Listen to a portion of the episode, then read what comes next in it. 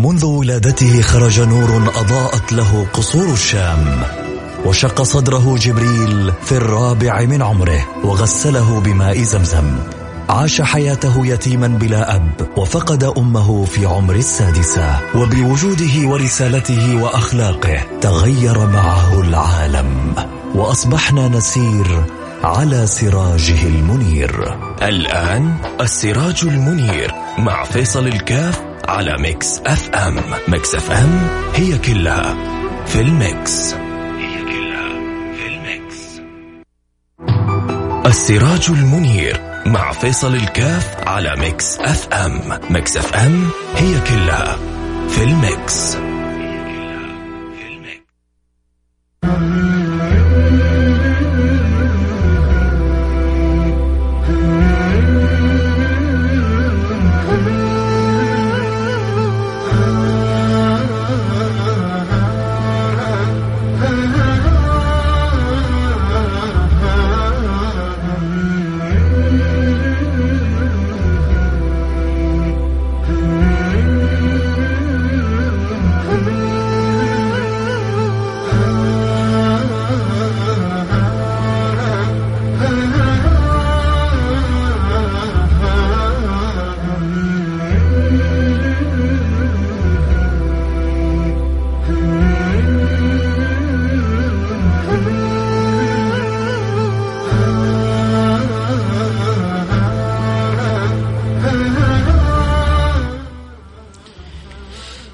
بسم الله الرحمن الرحيم. الحمد لله رب العالمين وأصلي وأسلم على المبعوث رحمة للعالمين. حبيبي وحبيبكم سيدي وسيدكم محمد عليه أفضل الصلاة وأتم التسليم وأسأل المولى سبحانه وتعالى أن يكرمنا وإياكم وأن يجعلنا من أقرب الخلق للنبي المصطفى. في ذلك اليوم أن يجعلنا في زمرة النبي المصطفى وأن ينورنا ويحسن أخلاقنا ويدخلنا في دائرة أقربكم مني مجلسا أحاسنكم أخلاقا. اللهم آمين يا رب العالمين. اللهم إنك شرفتنا بذكره فأكرمنا بقربه. اللهم إنك شرفتنا بذكره فأكرمنا بقربه. اللهم آمين يا رب العالمين. أعظم ما في هذا الوجود. أعظم ما في هذا الوجود على الإطلاق أن يخرجنا الله سبحانه وتعالى من هذه الدنيا ونحن وإياكم مقربين محبوبين عند المولى وعند سيد المرسلين. اللهم آمين يا رب العالمين. الله يجعلنا وإياكم كذلك. اللهم آمين يا رب العالمين. ما زلنا متواصلين وإياكم في قصة الهجرة ونحن في شهر الهجرة. ما زلنا في شهر محرم. وما زلنا وياكم متواصلين في قصة الهجرة. وتكلمنا فيما سبق عن أصل فكرة الهجرة وأنه جاءت الهجرة آه، بسبب أن المسلمين عانوا ما عانوا من أذى ومن آه، صنوف وأنواع التعذيب اللي كانت من قريش. كانوا يتفننون. كانوا يتفننوا في تعذيب الصحابة. وكان يعني أغلب من أسلم مع النبي صلى الله عليه وعلى آله وسلم في البدايات يعني هم المستضعفون من من من الناس، الناس البسطاء. ودائما أي دعوة أي دعوة غالبا أول ما يلتف حول الداعي فيها يعني الناس البسيطة الناس الغلبانة الناس اللي تشعر أنها مضطهدة الناس اللي تشعر آآ آآ بأنها بحاجة إلى إلى التغيير. فهؤلاء مباشرة يلتفتون مع الشيء الذي يبرز والذي يظهر والذي بالذات إذا كان عند المغير هذا عنده شيء يستحق أن يلتفت الناس حوله. فعندما جاء النبي صلى الله عليه وعلى آله وسلم ودعاهم إلى مكارم الأخلاق دعاهم إلى العقل والمنطق. دعاهم إلى الرجوع للحق. بدأت الناس تلتف حول النبي صلى الله عليه وعلى آله وسلم. بدأت قريش تواجه مشكلة أن الذي يغير والذي يدعو هذا يعني من أسرة عظيمة من أسرة لها قيمة من أسرة لها أهمية في قريش. فصار عندهم التحير. فحتى يردعوا الناس أخذوا يعني يؤذوا أصحاب النبي المصطفى صلى الله عليه وعلى آله وصحبه وسلم لدرجة إنه سيدتنا سمية كانت يعني بالرمح المحمى بالنار ترمى في في في جسدها في أصعب الأماكن التي ممكن أن توضع في المرأة. حتى ماتت من شدة التعذيب سيدتنا سمية فكانت أول شهيدة بالإسلام. ووالد سيدنا ياسر والنبي يمر عليهم كلمة واحدة يقولها صبرا آل ياسر فإن موعدكم الجنة. وسيدنا بلال يرمى على الأرض في الرمضاء في اليوم الحار الصائف الشديد ويوضع فوقه يعني الحجر المحمي آه، وتوضع فيه آه، يعني الحديد المحمي بالنار. وصنوف أنواع التعذيب تعرضوا لها أصحاب النبي المصطفى صلى الله عليه وعلى آله وصحبه وسلم. فأذن الله سبحانه وتعالى لرسوله آه، بتوجيه اصحابه للهجرة فهاجروا قالوا له إلى أين؟ قال لهم أرض الله واسعة قالوا له إلى أين؟ قالوا اذهبوا إلى أرض الحبشة فان فإن فيها ملك لا يضام عنده أحد.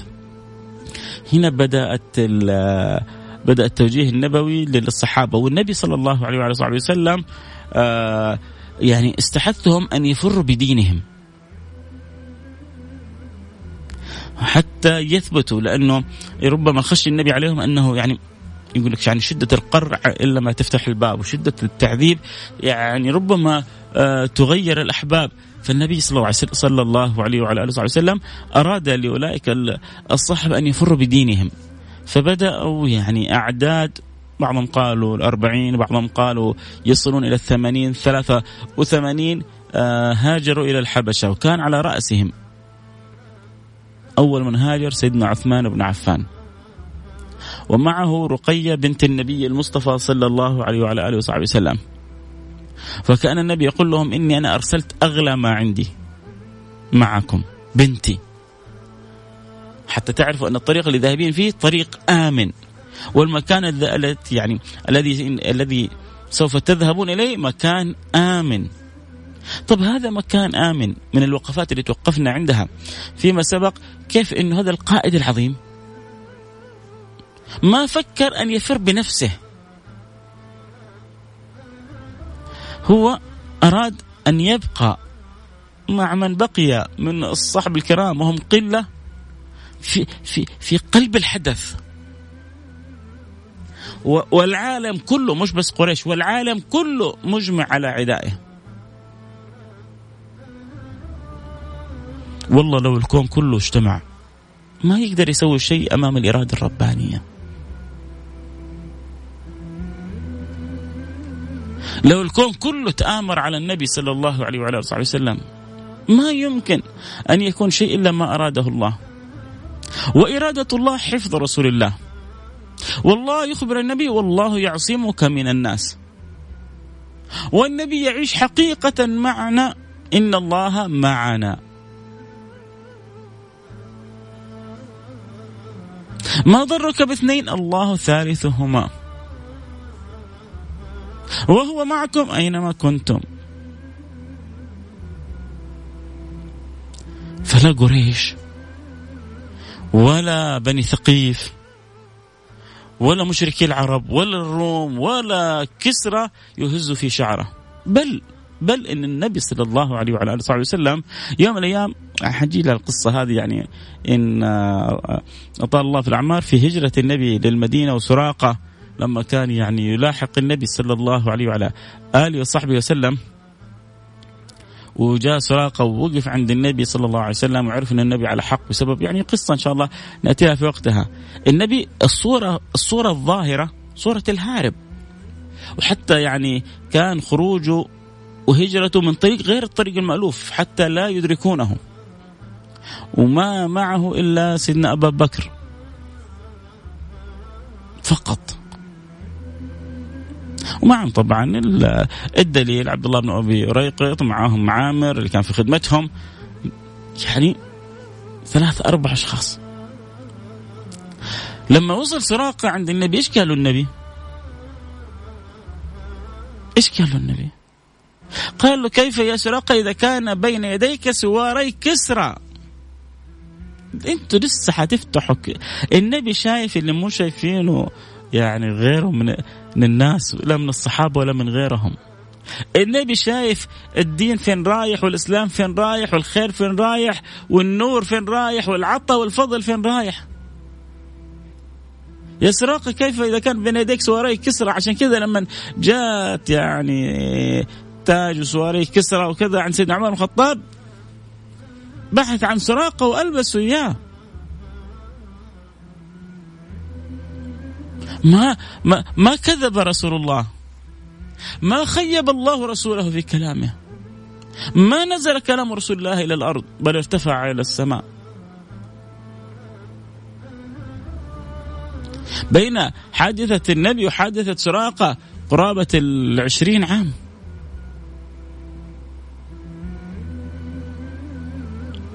تحققت بعد فترة من الزمن. فالنبي صلى الله عليه وعلى آله وصحبه وسلم وإن قام الأسباب وإن قام الأسباب لكن كان كان قلبه مطمئن بالرب سبحانه وتعالى. كان قلبه مطمئن بالرب، طبعا أذكر كل الاحبه اللي أكيد يحبوا يتابعوا الحلقة صوت وصورة آه، يستطيعوا ينضمون على الإنستغرام لايف @فيصل كاف، كذلك إن شاء الله المستمتعين بالحلقة. حبذا تذكير كل أصحابهم آه، إن يكونوا معنا على السمع سواء عبر الأثير عبر إذاعة Mix FM عبر التطبيق. إذا أنت ما انت في سيارتك نزل تطبيق Mix FM أو عبر البث المباشر آه، في الإنستغرام live فيصل كاف. فالنبي المصطفى صلى الله عليه وعلى آله وصحبه وسلم أصحابه كانوا يعدمون أرسل أصحابه للهجرة. هو بقى في عرين الأسد. هو بقى في قلب الحدث. هو بقى آه، في مكة. ليه؟ لأنه يبغى لهم الخير. لأنه يريد لهم الخير. إذا كان أصحابه تربوا على المعاني العجيبة. سيدنا عثمان مضعون في في عند رجوعه من الهجرة. وحنوصل لها إن شاء الله. آه كان في جوار الوليد بن المغيرة بعدين ترك الجوار فضرب فقال الوليد شفت كيف لو كنت أنت في جواري؟ قال له لقد ضربت بعين والعين الثانية لا تشتاق أن تؤذى في سبيل الله كما أوذيت العين الأولى. العين الثانية تبغى نصيبها. هذه العين حصلت لها لطمة أو كدمة أو بوكس في سبيل الله. العين الثانية زعلانة. شوفوا شوفوا شوفوا الاعتزاز بالله سبحانه وتعالى اللي كان عند سيدنا عثمان بن مضعون. أول من دفن في البقيع. أول واحد دفن في البقيع سيدنا عثمان بن مضعون من, الصح من الصحابة الكرام رضوان ربي عليهم أجمعين. وبعد لما توفى سيدنا إبراهيم ابن النبي قالوا مدفنوه بجوار عثمان بن مضعون. الشاهد أن النبي صلى الله عليه وعلى اله وسلم أذن لهم بالهجرة. فاجتمعوا على بعضهم يعني هاجر بمفرده وبعضهم هاجر بعائلته. ولذلك جاء في الحديث إنه أول من هاجر بعد لوط عثمان. أول من هاجر بعد لوط عثمان. سيدنا لوط لما خرج بعائلته وهاجر هاجر إلى سيدنا إبراهيم. وبعد ذلك هو وسيدنا إبراهيم هاجروا سيدنا إبراهيم نزل في فلسطين وسيدنا لوط نزل في المؤتفكة. فأول من هاجر يقول النبي بعد لوط عثمان بن عفان كان أول من تهيأ للخروج. وقد يكون خروجه بتوجيه من النبي صلى الله عليه وسلم عشان يتشجع البقية. لأن النبي ما يبغى يخرج وسيدنا عثمان من أقرب المقربين للنبي ومتزوج بنت النبي. النبي كان يحب سيدنا عثمان حب شديد. زوجه بنته الأولى. ولما ماتت زوجوا بنته الثانية. ولما ماتت قال لو كانت عندي ثالثة لزوجتها عثمان. ما هو بنت ولا بنتين لو ثلاثة ولا أربعة ولا خمسة. و... ويا بخت سيدنا عثمان. إيه إيش إيش العطى هذا؟ الواحد يحلم فينا. حتى مجرد حلم كذا مجرد خيال. إنه يحظى ببنت رسول الله. يا عمي لو ندفع لو نجمع فلوس الدنيا كلها على إنه الواحد يعني يتشرف بالقرب من الزواج من بنت رسول الله لم يعني لما وفينا هذه هذه المنزلة وهذا هذا هذا الأمر حقه. فكيف ما هو ما هو بنت واحدة من بنات النبي؟ لا. يفوز بالبنت الأولى وبالبنت الثانية.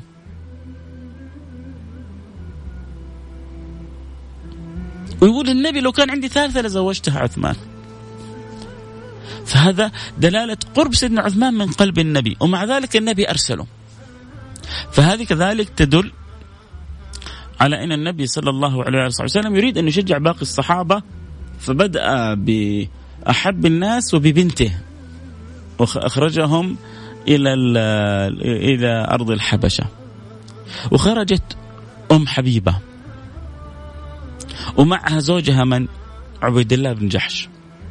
قلنا أن هذا عبيد الله بن جحش كان من الناس اللي اجتمعت مع ورقة بن نوفل وزيد والد سعيد بن زيد. ما رضيوا يكونوا يعبدوا الأوثان. في ناس كذا فطرتها ما هي مقتنعة نعبد صنم. وبعدين بعضهم يعني كان بعض كف آه آه من كانوا كفار في قريش يعبدون يعملون صنم من التمر فإذا جاعوا أكلوه. كيف تأكل إلهك يا ما تستحي أنت؟ تأكل الإله جاع خلاص إذا جاعت البطون عميت العيون. مصيبة. كم مننا يرت من يرتضي الحرام عشان البيض يعني جوع البطون. فيعمي على العين. فيرضى انه ياكل حرام أو يسرق حرام أو يأخذ حرام أو يتجه للحرام. نسأل الله السلامة والعافية. مع إنه لو يعلم لو يعلم أغلب اللي أغلب اللي يتجهوا للحرام لو يعرفوا إنه رزقهم مكتوب لهم وصبروا لأخذوه بالحلال. شوفوا كل أي واحد أخذ فلوس بالحرام لو صبر لجاءت له بالحلال. كل دينار ودرهم يدخل لك هو مكتوب لك. والله والله الذي لا إله إلا هو. مكتوب لك في السماء إنه حتاخذ ما حتموت إلين يكون نصيبك من الدنيا مليون وستمية وسبعين ريال وعشرين هللة. ثلاثين بال بال بال بال بال بأدق التفاصيل بالفلس بالهللة. ما حتموت نفسك إلا وأنت ماخذها. فإذا تعففت عن الحرام جاءك الحلال وإذا سارعت على الحرام أخذت ما كتب لك ولكن يترتب عليه عقاب وجزاء وأنت ما انت هذا الأمر. الحديث عن النبي صلى الله عليه وعلى صحبه وسلم إن إن روح القدس نفث في روعي أنه لن تموت نفس حتى تستكمل رزقها وأجلها. فاتقوا الله وأجملوا في الطلب، فاتقوا الله وأجملوا في الطلب. ليش بقول لكم اتقوا الله؟ لأنه النفس بتلعب عشان الرزق. النفس بتلعب عشان المال. فصدقوني يعني جزا الله خير أن النبي خبرنا بالحديث هذا، ربما إنسان يكون عنده قلق خوف، لا، كل حاجة حتأخذها ترى هي مكتوبة لك. والله ما حتقدر تأخذ شيء ما هو مكتوب لك. بس إذا أخذته بالحرام عوقبت عليه. وإذا صبرت حيجيك بالحلال. لن تموت نفس لن لن لن تموت نفس. حتى تستكمل رزقها وأجلها. فاتقوا الله. عشان كذا النبي يقول لكم فاتقوا الله. عاملوا الله بالتقوى. الشاهد إنه الفطرة كانت عند عبيد الله بن جحش وورق بن نوفل وزيد والد سعيد بن زيد. إنهم مش راضين بحال آه، بقية كفار قريش يعبدون الصنم. فقرروا إنهم يعني يبحثوا. ف آه، عبيد الله بن جحش تنصر. بدأ يبحث إيش أقرب الديانات؟ وهي بالفعل كانت أقرب الديانات. كان سيدنا موسى بعدين سيدنا عيسى بعدين جاء الحبيب صلى الله عليه وسلم فأقرب الديانات كانت النص... الدين, الدين النصراني فبدأ يسمع من الأحبار الرهبان القساوسة المهم تنصر أه ورقة بن نوفل ما ما ما ما رضي يتنصر مؤمن بأنه في الكون إله ومنتظر أن يبعث الله رسوله ومصطفاه. وزيد بن والد سعيد بن زيد وقف أو أوقفه الله على أحد من الأحبار وكذا وأخبره إنه ما عاد في دين حق ولا عاد في أظنه ذهب إلى الشام. شوفوا شوفوا والله شوفوا يا جماعة لما ربنا عشان كذا ادعوا ادعوا دائما ربكم أن يمن عليكم بالهداية. ادعوا الله دائما أن يمن عليكم بالهداية.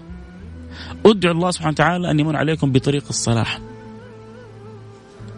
راح للشام لما وصل للشام ممكن كان لو راح عند آه، حبر من الأحبار أو راهب من الرهبان. جاء إيه، أوه هذا يبغى ياخذ يدخل ديننا يلا خلينا اضمه لكن راح عند راهب صادق. وأخبر إنه ما عاد في شيء. دين حق لكن حيظهر في أرضكم. حيظهر في أرضكم نبي هو نبي آخر الزمان وصفه كذا وشانه كذا فإن أدركته فامسك به. فهو راجع ولده معاه جاء الموت في الطريق. بدأ بدأ ذلك الوقت يظهر خبر النبي صلى الله عليه وسلم. فأوصى ولده إنه مباشرة يتعلق ويتمسك بهذا النبي. فعلى طول رجع واسلم سيدنا سعيد بن زيد فكان هو أحد العشره المبشرين بالجنة يمكن بعضكم سبحان الله على أنه أحد العشره المبشرين أحد العشره المبشرين بالجنة لكن ما يعرف اسمه فكان من أوائل من أسلموا وكان أحد العشر المبشرين بالجنة سيدنا سعيد بن زيد. المهم أنه عبيد الله عبيد الله بن جحش تنصر. لما جاء النبي ظهر رجع أسلم. لما راح للحبشة وكانوا الحبشة أغلبهم نصارى. أم حبيبة رأت رؤيا عجيبة.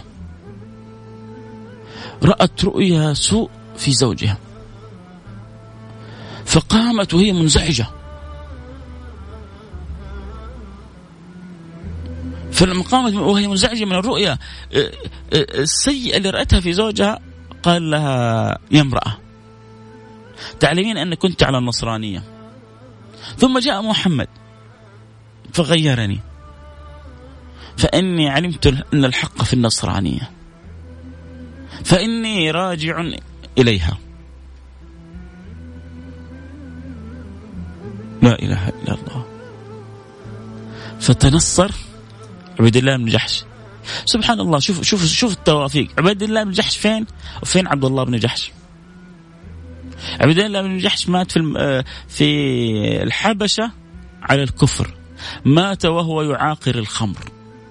تنصر صار يشرب خمر ويشرب ويشرب ويشرب ويشرب وصار طول وقته ثمل وفارق دين الله سبحانه وتعالى ومات هناك على النصرانية اخوه عبد الله بن جحش مات مجاهد في سبيل الله ودفن بجوار سيدنا حمزة بن المطلب. سيدنا حمزة بجواره سيدنا مصعب وسيدنا عبد الله بن جحش. يا بختهم بالصحبة. صحبة دنيا وآخرة حتى في في القبور أصحاب جنب بعض. فتنصر ومات على ذلك. أم حبيبة بعد ما مات ابي بن جحش رأت رؤيا أنه أنها تنادى بأم المؤمنين يا أم المؤمنين يا أم المؤمنين سبحان الله جاء تفسير الرؤيا تفسير حقيقي إيش اللي حصل؟ تزوجها النبي المصطفى صلى الله عليه وعلى آله وصحبه وسلم فصارت اما للمؤمنين. من النبي صلى الله عليه وعلى صلى الله عليه وعلى آله وسلم قال إنه لم يبقى من النبوة إلى المبشرات قالوا له ما هي؟ قالوا الرؤيا الصالحة، الرؤيا الصالحة عظيمة. الرؤية الصالحة عظيمة عندما بالذات يعني تراها نفس صافية عندما تكون النفس الصافية ترى الرؤية الصالحة وتستطيع أن تفسرها أو يعني تنقلها نقل صحيح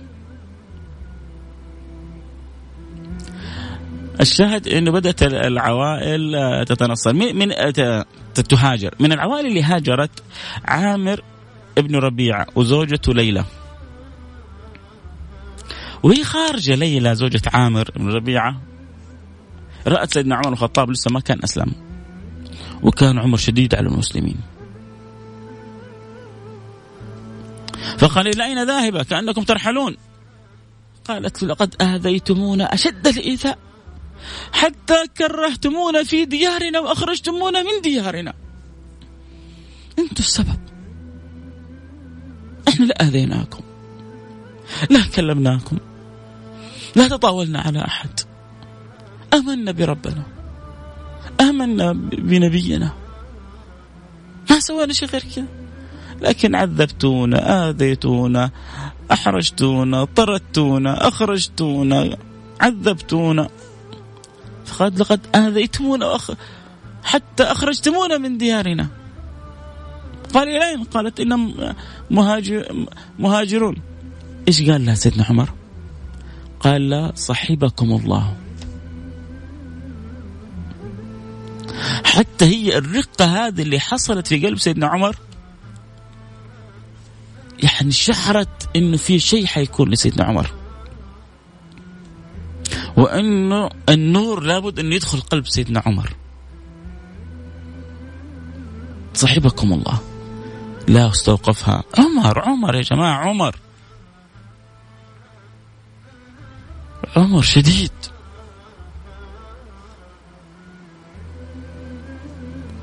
فقال لها صحبكم الله رقة عجيبة. نزلت في قلب تلك الساعة. فليلى زوجة عمرو من استغرابها راحت تحكي زوجها. وهي بتحكي زوجها إيش بيقول لزوجها؟ قال يعني أو ترجين إسلامه؟ لأن لأن أسلم حمار الخطاب لا يسلم الخطاب. الحمار حقه ممكن يعني ممكن يسلم الحمار لكن هو لا يمكن يسلم هو لا يمكن يسلم لكن الحمار حقه يمكن يسلم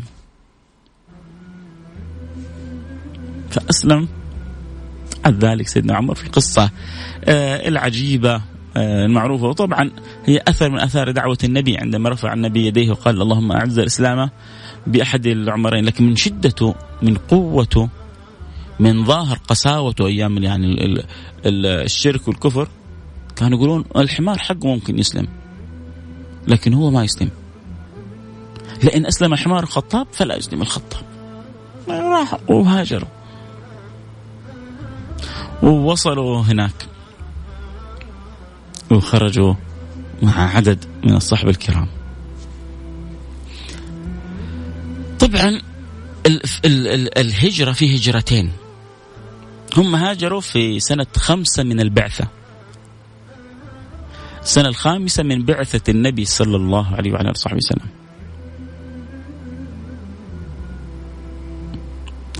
في شهر رجب. ووج يعني وصلوا في أواخر رجب. وأمضوا شعبان ورمضان وهم في الحبشة. في رمضان أنزل الله سورة النجم.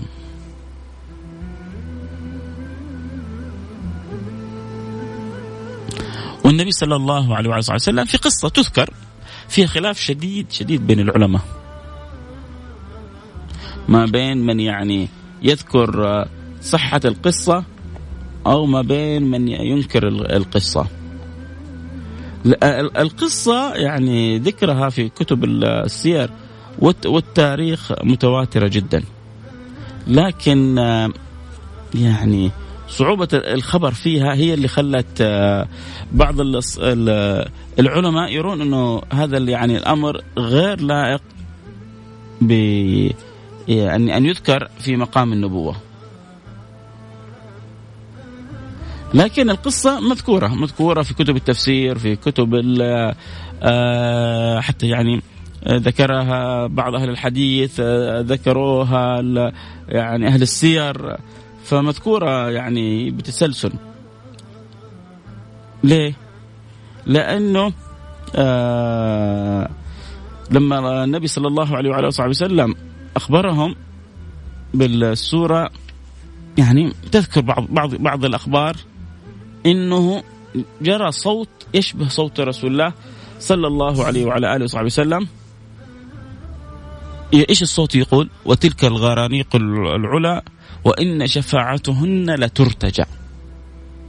وتلك الغرانيق العلا وإن شفاعتهن لترتجى. طبعا عدد من العلماء الأجلة أنكروا القصة. وبعضهم أثبتها وقال هذه مش من كلام النبي.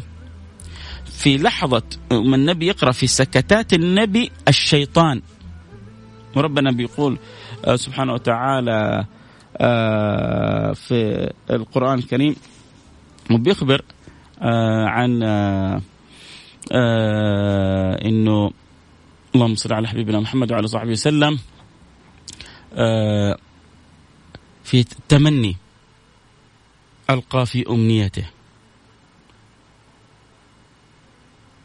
وما أرسلنا من قبلك من رسول ولا نبي إلا إذا تمنى ألقى الشيطان في أمنيته.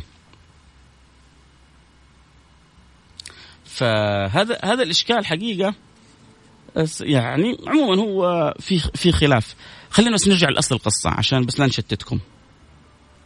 انتشر هذا الخبر. إيش اللي حصل؟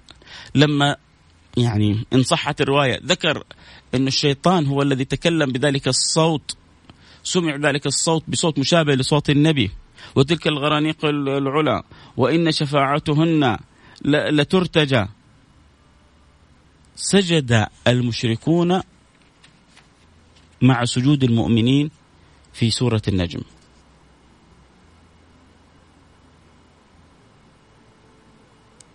فلما سجد المشركون انتشر خبر إنه كفار قريش كلها أسلمت.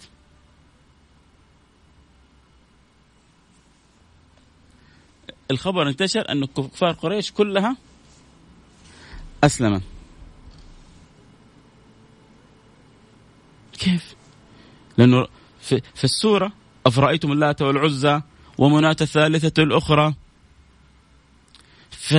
ففي لحظة سكتة النبي صلى الله عليه وعلى آله وصحبه وسلم تذكر بعض يعني كتب السير والتفاسير أنه هنا الشيطان قال وتلك الغرانيق العلا اللي هو اللات والعزى إن وإن شفاعتهن لترتجى فرحوا كفار قريش.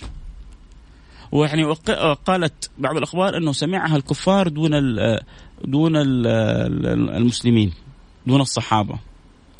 الشاهد أن القصة هذه تواترت وانتشرت. حتى وصلت إلى الحبشة. إنه كفار قريش أسلموا. والدلالة أنهم سجدوا مع الصحابة عندما نزلت سورة النجم.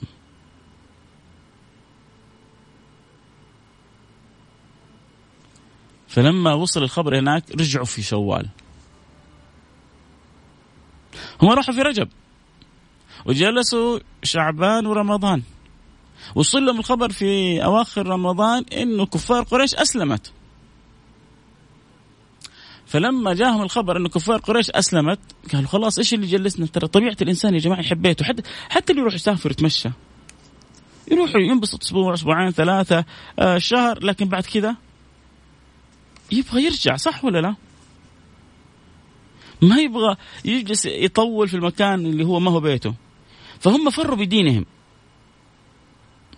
لكن لما والله أزيل الإشكال. إيش اللي جلسنا بعد ذلك في في في في الحبشة؟ فما كان من أولئك إلا أن رجعوا. فلذلك الحبشة لها هجرتين. الهجرة الأولى والهجرة الثانية. فالهجرة الأولى لما سمعوا بهذا الأمر رجعوا. طيب قصة في قصة مهمة حصلت. قصة جدا مهمة حصلت في في رحلة الهجرة. يا ترى حصلت في الهجرة الأولى ولا في الهجرة الثانية؟ في خلاف. قصة إيش؟ قصة عمرو بن العاص وعمارة ابن الوليد ابن المغيرة. لما أخذوا أجمل الهدايا وراحوا بيها إلى النجاشي.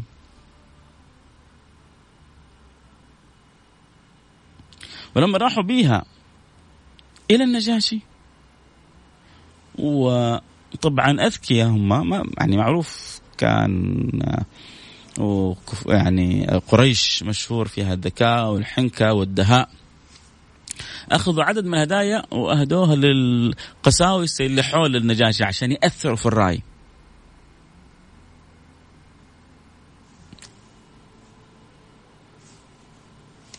عمر وعمارة راحوا عند النجاشي وأول ما دخلوا تحية تحية كانت النجاشي إنه يسجدوا له. فدخلوا عنده سجدوا للنجاشي. ورحب بهم النجاشي. وبعد ذلك أجلس عمرو عن يمينه لأنه كان يعرف عمرو وعمارة عن يساره فالبعض يقول إن هذه القصة في الهجرة الثانية والبعض يقول إنه هذه في في الهجرة في الهجرة الأولى. عموما إن شاء الله إحنا حنخليها الأسبوع الجاي حنعتبر إنها حنعتبرها على قول من قال إنها في الهجرة الثانية. ولا يتصدى لها سيدنا جعفر بن أبي طالب. لما عمرو قال إن لنا يعني أفراد من قبيلتنا عصاة وباء صابئة. قال ما قال فيهم وإن نريد أن نستعيدهم. وجاب الهدايا وجاب الخيرات ووزعها على القساوسة وجاب أفخم ما يمكن أن يعطى وأعطاه للنجاشي النجاشي عاقل. ما رضى أن يتصرف أي تصرف حتى يسمع منهم. فلما طلبوا إرجاعهم قال استدعوهم حتى نسمع منهم. إن شاء الله نأتي القصة بتفاصيل أنه فيها معاني جميلة يبغى نتوقف فيها عدة وقفات. الشاهد أنه لما حصلت آه، حصل تواتر هذا الخبر وأنه كفار قريش سجدوا مع المؤمنين عندما سمعوا ذلك الصوت ذلك الهاتف أفرأيتم اللات والعزى ومناة الثالثة الأخرى تلك الغرانيق العلا وإن شفاعتهن لترتجى. سجدوا. قلنا قلنا أن القصة فيها خلاف شديد بين أهل العلم الفضلاء. ومنهم من يعني يقر القصة لانتشارها حتى يقول لك إنها وصلت الحبشه ومنهم من يقول إنه هذا يعني قصة غير صحيحة ولا تليق بالنبي المصطفى صلى الله عليه وعلى آله وصحبه وسلم. الفخر الرازي قال هذه قصة باطلة موضوعة البيهقي آه قال الرواة كلهم مطعون فيهم الإمام النووي آه يعني كذلك له موقف من القصة. في المقابل آه خاتمة الحفاظ الشهاب بن حجر طبعا آه، القاضي عياض برضو من أنكر القصة والخاتمة حفاظ الشهاب بن حجر قال هذا الكلام لا يعول عليه وقد فشى أمر تلك السجدة في الناس حتى بلغ أرض الحبشة أن أهل مكة عظمائهم قد سجدوا وأسلموا حتى الوليد بن المغيرة وسعيد بن عاص. سبحان الله شوف الكبر الكبر لما يمتلئ في القلب. الوليد بن المغيرة وأبو لهب وسعيد بن العاص يعني كبر كبر كبر سبحان الله. لما أرادوا الناس يعني جاء وقت السجدة وسجدوا ما يبغوا يسجدوا. زي البقية. هم دائما المتكبر دائما شايف نفسه فوق الناس مريض. دائما شايف نفسه أعلى من الناس. ليش؟ أنا أسجد زيهم. إيش قاموا سووا؟ أخذوا التراب وجابوه عند جبهتهم وكأنهم سجدوا. شوف كذا كذا. المتعنتين لما يبغوا يسووا شيء يسووه بمزاجهم. إحنا نبغى نسجد. بدل ما نروح للأرض لا ناخذ تراب واحطه عند جبهتي. يا سلام. كذا ان يعني يعني إنهم سجدوا. فهكذا كان تصرف أبو لهب والوليد بن المغيرة وسعيد بن العاص. نسأل الله السلامة والعافية. الشاهد إنه رجعوا عدد من الصحبة الكرام من الحبشة ومنهم سيدنا عثمان ومنهم سيدنا عثمان بن مضعون ومنهم آه، عبد الله بن مسعود يعني على اختلاف هل هو كانت هجرته الأولى أو الهجره الثانية فكل واحد منهم دخل في جوار.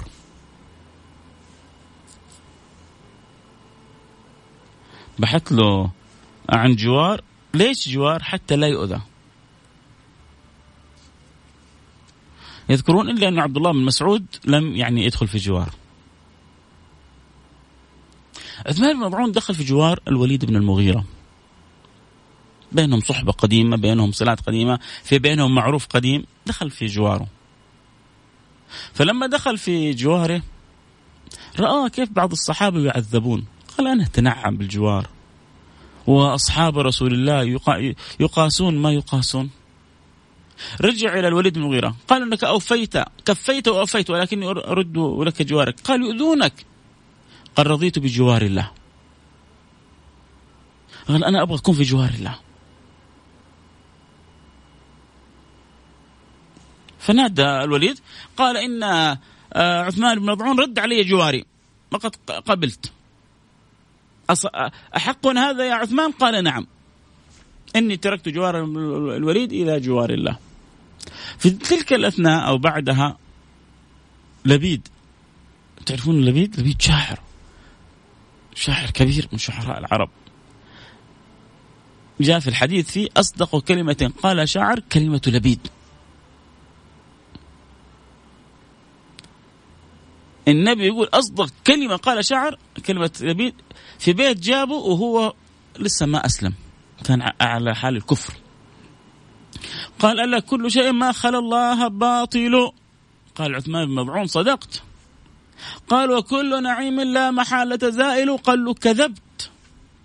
فنعيم الله لا يزول. لبيد التفت إلى شعار و... و... وجهابذة قريش. قالوا هكذا يهان المرء عندكم؟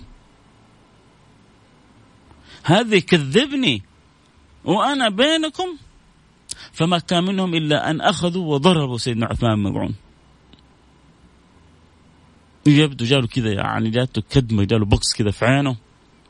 فراح له الوليد قال له لو كنت في جواري ما كان أذاك أحد. قالوا يا وليد يا أيها الوليد إن العين الأخرى لا تشتاق. أن يصيبها في سبيل الله ما أصاب العين الأولى. يا سيد أنا في جوار ربي أنا في جوار الله. إيش كان يقول عبد الله بن رواحة؟ إن أنت إلا أصبع دميتي وفي سبيل الله ما لقيتي. هكذا. هكذا كان يقول سيدنا عبد الله بن رواحة وهكذا كان يقول سيدنا عثمان ابن مظعون هم الدنيا كلها ما هي كبيرة عندهم. هم يعني سعداء. إن ربي يكرمهم بدين الله. كلنا والله سعداء. هل تعيش انت هل تعيش السعادة هذه؟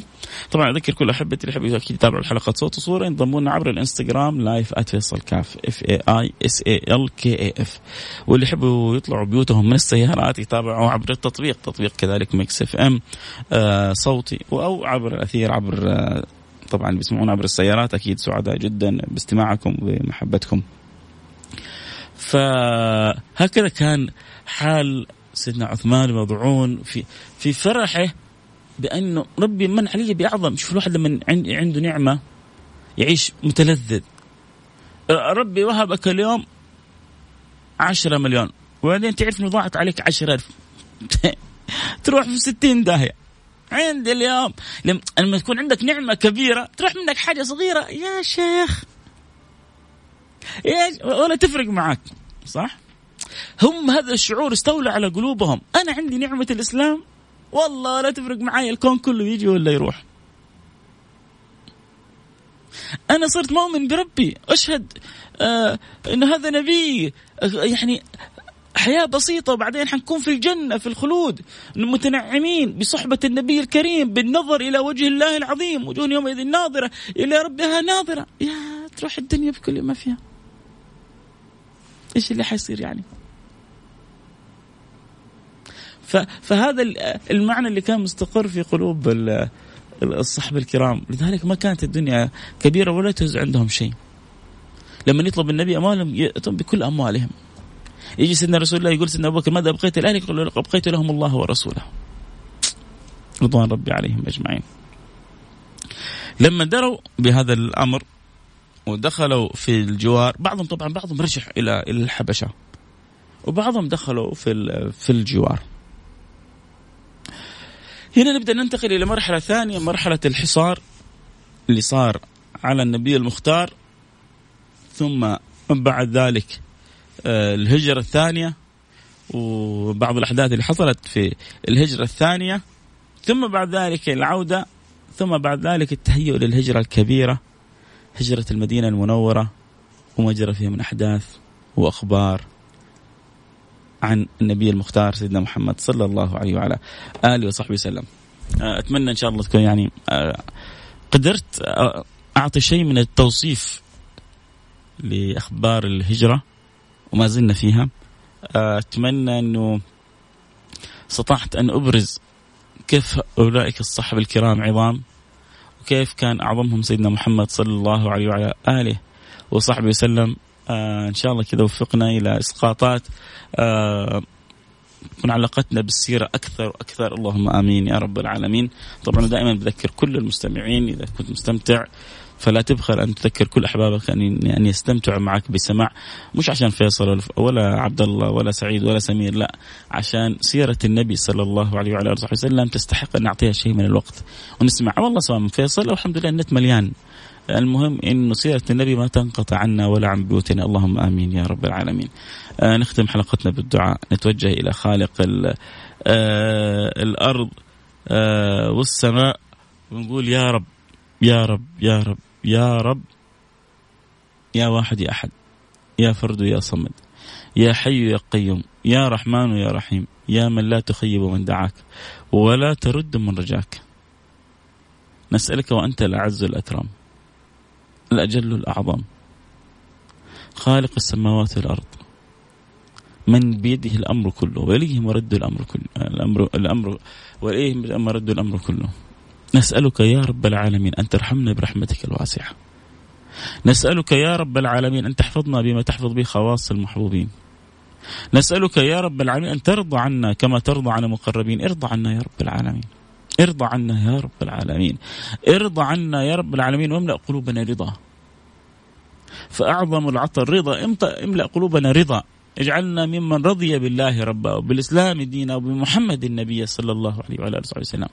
يا رب أسألك في هذه الساعة المباركة يا رب العالمين أن ترزقنا الرضا في أعلى مراتبه. اجعلنا حقيقة من رضي بالله رب ممن رضي بالله رب يا رب وبالإسلام دينا وبمحمد صلى الله عليه وعلى آله وسلم نبيا ورسولا يا رب العالمين. نور قلوبنا وقوالبنا ردنا إليك مردا جميلا. ثبتنا يا رب العالمين. أحسن خاتمتنا وأنت راضي عنا. وثبتنا إذا دخلنا قبورنا عند السؤال والجواب. فإذا قيل لنا من ربك فلنقل ربي الله. وإذا قيل لنا ما دينكم فلنقل دين الإسلام. وإذا قيل لنا من نبيكم فلنقل نبينا وحبيبنا محمد صلى الله عليه وعلى آله وصحبه وسلم. يثبت الله الذين آمنوا بالقول الثابت في الحياة الدنيا والآخرة. ثبتنا يا مثبت. اللهم يا مثبت القلوب. ثبت قلبي على دينك والسامعين والأ الأحبة وجميع المسلمين. اللهم يا مصرف القلوب الأبصار.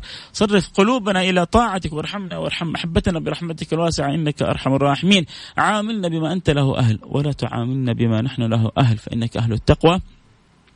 وأهل المغفرة وارنا عجائب كرمك ورحمتك بنا يا رب العالمين. ردنا إليكم ردا جميلا. ارزقنا الاستقامة واجعلها لنا أعظم كرامة. وارحمنا برحمتك الواسعة. إنك أرحم الراحمين. يا رب العالمين. يا رب العالمين. يا رب العالمين. اللهم أسألك يا رب العالمين. ونحن في هذه الجمعة المباركة أن تحفظ لنا خادم الحرمين الشريفين. أن تعطي الصحة والقوة والعافية يا رب العالمين. وأن توفقه لكل ما فيه الخير للعباد وللبلاد. أن توفقه لكل ما فيه الخير لبلادنا خاصة وللأمة عامة. يا رب العالمين. اللهم أنك جعلته خادما للحرمين والحرمين قبلة للمسلمين. اللهم يا رب العالمين فارزقهم من المعونة ومن التوفيق ومن آه تيسير الأمور ما تكون لبلدنا فيها الخدمة. لنا خاصة وللمسلمين عامة بل إن شاء الله يتسع المجال إلى ما هو أوسع من ذلك وأعن ولي عهدي لكل ما فيه الخير للعباد وللبلاد واجعله خير معين لوالده في القيام بالأمر والمهمة. يا رب العالمين. اللهم كل من وليته أمر من أمور المسلمين. اللهم ولاة أمور المسلمين اللهم اصلح الراعي والرعية واصلح الأمة المحمدية واجعل الأمر يسير كما تحب وترضى وارحمنا وارحمهم برحمتك الواسعة يا أرحم الراحمين. اللهم نسألك الهداية أن تشعشع أنوارها في قلب كل إنسان. البعيد من المسلمين تقربه والضال تهديه الطالح يتحول إلى صالح والضائع يتحول إلى طائع. يا رب العالمين ومن لم يعرف هذا الدين ولم يعرف هذا الإسلام اللهم فأنشر أنوار هذا الدين في قلوبهم. أخبرنا حبيبك محمد إنه ما من بيت شجر ولا حجر ولا مدر إلا وسوف يدخله ديني بعز عزيز أو بذل ذليل. اللهم يا رب العالمين أرنا عزاء أرنا شؤون هذه العزة واستخدمنا في خدمتها. واستخدمنا في خدمتها وأنت راضي عنا يا رب العالمين. اللهم نسألك أن تحفظ لنا الحرمين الشريفين. اللهم نسألك أن تحفظ لنا بلادنا من كل سوء ومن كل مكروه. اللهم من أراد بنا ببلادنا سوءا أو مكروها فاجعل في تدبيره تدميره واجعل الدوائر عليه يا رب العالمين. وأدم علينا فيها نعمة الأمن وأمان فقد دعا لنا سيدنا إبراهيم وقبلت دعوته يا أكرم الأكرمين. فأدم علينا يا رب العالمين. الله واجعلنا لك شاكرين وبأمرك قائمين. وإذ قال إبراهيم يا رب اجعل هذا بلدا آمنا وارزق أهلهم من الثمرات. وهذا ما نراه بأم أعيننا. الخيرات متواليات. والأمن والأمان ننعم ونرفل فيه. فاللهم ارزقنا من شكر هذه النعمة ما تديمه علينا. يا رب العالمين وأنت راضي عنا. وارحمنا وارحم أحبتنا برحمتك الواسعة إنك أرحم الراحمين. يا رب العالمين يا رب العالمين يا رب العالمين. نسألك أن تختم لنا بالخاتمة الحسنة وأن تجعل آخر كلامنا من الدنيا لا إله إلا الله. فقد أخبر حبيبكم محمد وقال من كان آخر كلامنا الدنيا لا إله إلا الله دخل الجنة. اجعلها أول كلامنا واجعلها كل كلامنا واجعلها آخر كلامنا حتى نلقاك وأنت راضي عنا. وارحمنا وارحم أحبتنا برحمتك الواسعة. إنك أرحم الراحمين. وصلى الله وسلم على سيدنا حبيبنا محمد وعلى آله وصحبه أجمعين. والحمد لله رب العالمين. اللهم لك الحمد ولك الشكر يا رب العالمين. لك الحمد يا ربي. لك الحمد يا الله لك الحمد يا ربي على هذه النعمة. نعمة ساعة قضيناها إحنا وإياكم استمتعنا بها بالذكر للنبي وبالدعوات وأوصيكم أوصي نفسي بقراءة سورة الكهف وبالإكثار من الصلاة والسلام على سيدنا محمد صلى الله عليه وسلم وبالدعاء. ففي في الجمعة ساعة مستجابة. ما يدعو بها العبد إلا ويقبل الله دعاءه. فلا تخلوا ساعة تمر عليكم من الآن إلى المغرب إلا وتدعوا ولو بالدعوات البسيطة. إن الله يرضى عنكم يعطيكم الصحة والعافية يبارك لكم في أهلكم يشفيكم من الأمراض ييسر لكم تبغى وظيفة تبغى زوجة تبغى مال تبغى قول يا رب مين عندك غيره؟ الله يرضى عنكم جميعا. آه ما اليوم اقرا أنا رسائل خلنا حنور كذا على بعض اللي في الإنستغرام. لا تنساني من دعاك يا شيخي. حاضر يا سيدي. الله يرضى عني عنكم. آه، ادعي ربي يوفقني في الثانوية العامة ويحقق حلمي لي والامه يا رب يسعدك إن شاء الله. بإذن الله يسعدك يا نور إن شاء الله وتجيبي أعلى الدرجات في الثانوية العامة وتكوني من أحسن الناس يا رب. آه جزاك الله خير أستاذنا فيصل. شكرا لكم على رسالتكم على محبتكم على الود والحب والدعوات الطيبة. الله لا يحرمني إياكم أجمعين. آه ما رأيك في من يشكك؟ لا لا ما أصلا آه يعني أي أحد دائما يدخل في النيات وفي النفوس ما كلنا دائما إن شاء الله محبين لبعضنا البعض. كلنا لحمة وطنية في حبنا لوطننا في حبنا لمجتمعنا في حبنا لديننا في حبنا لأخوتنا. ولا نسمح لأحد لا أنه يشكك أو يطعن أو ولكن كذلك كل إنسان ينتبه من تصرفاته ينتبه من كلامه ينتبه من أموره بحيث أنه ما يكون على ما أخذ على ما أمسك. ولا يسمح لأحد أن أن يجعله ثغرة تسيء لا للوطن أو للدين أو للمجتمع. انتبه أن تكون ثغرة يساء بها إلى دينك أو يساء بها إلى وطنك أو يساء بها إلى مجتمعك. ودائما اعرف إنه من أقوى ما يديم الاستقرار اللحمة الوطنية هذه والمحبة والمودة اللي ربي يجعلها فيما بيننا البين مثل المؤمنين في توادي متراحمين مثل الجسد الواحد. اللهم آمين يا رب العالمين. آه، أحبك في الله أحبكم الله الذي أحببتموني فيه وربنا يديم المحبة ويجعلها خالصة لوجهه الكريم، الناس ما تقرأ في كتب الصحابة، آه، إن شاء الله يا رب نقول إن شاء الله إنه فيهم الخير في من يعني كذلك يقرأ في من يسمع وفي من يعني يتابع بعض البرامج. فالخير موزع في الناس. الله يرزقك من واسع رزقه. اللهم آمين. يا رب العالمين ادعوا لي برزقك إني في أشد الحاجة. الله يفتح عليك حسا ظاهرا وباطنا. حسا ومعنى. اللهم آمين. يا رب العالمين يوسع لك في رزقك ويجعل رزق حلال طيب مبارك فيه بإذن الله سبحانه وتعالى. آه، هل الدعاء بالهداية من أن يكون عمره يوم واحد؟ إلى أن يكون عمره سبعين فهمت؟ آه، لكن الدعاء بالهداية في كل وقت في كل حين وربك الهادي. ولو شاء الله لهدى الناس آه، جميعا. فالله يملأ قلوبنا حب وتعلق. اللهم آمين يا رب العالمين. أه حبيت امسي عليك وعلى جميع المتابعين. يا سيدي أكيد أنا سعيد بمتابعتك وتمسيتك. أه اليوم ما جبنا فقرة أسماء لكن بعضهم ارسل أسماءهم. حنختم فيها ما لا احد يرسل يعني. لكن الآن أكيد اللي جابوا صابرين من جدة وطلال علي هزازي وعبد الحفيظ فتح العلي من الرياض. أه هذا يقول اذكرني بدعوة. إن شاء الله الله ينور ينور قلبك أو قلبك يا رب إن شاء الله. الله يفتح علينا وعليك يا رب إن شاء الله. مسجد الحديبية وبيعة الرضوان والبئر. آه شكرا يا سلطان عبد البديع وأحمد الحارثي أبو مشعل من جدة آه واللي بيقول يدعو لأولادي الله يرضى عنكم. حنخلي نخصص نخصص حلقات للدعوات. نلتقي على خير حبايبي. آه سبحانك اللهم وبحمدك. أشهد أن لا آه عيد اسمي حاضر حاضر حاضر. الحين بس انت آخر واحد ونختم ادعي لي أنا في الثانوية العامة. اسمي طلال علي هزاز. يا سيدي يا طلال. أهو واتمنى لك كل التوفيق. وإذا نجحت ودرجات طيبة خبرنا. الله يفتح عليك يا طلال. آه تقول سبحانك اللهم وبحمدك أشهد أن لا إله إلا أنت أستغفرك وأتوب إليك. آه، جميل. ما حننساك يا جميل. آه، فأنت جميل حس معنا. بإذن الله سبحانه وتعالى في أمان الله.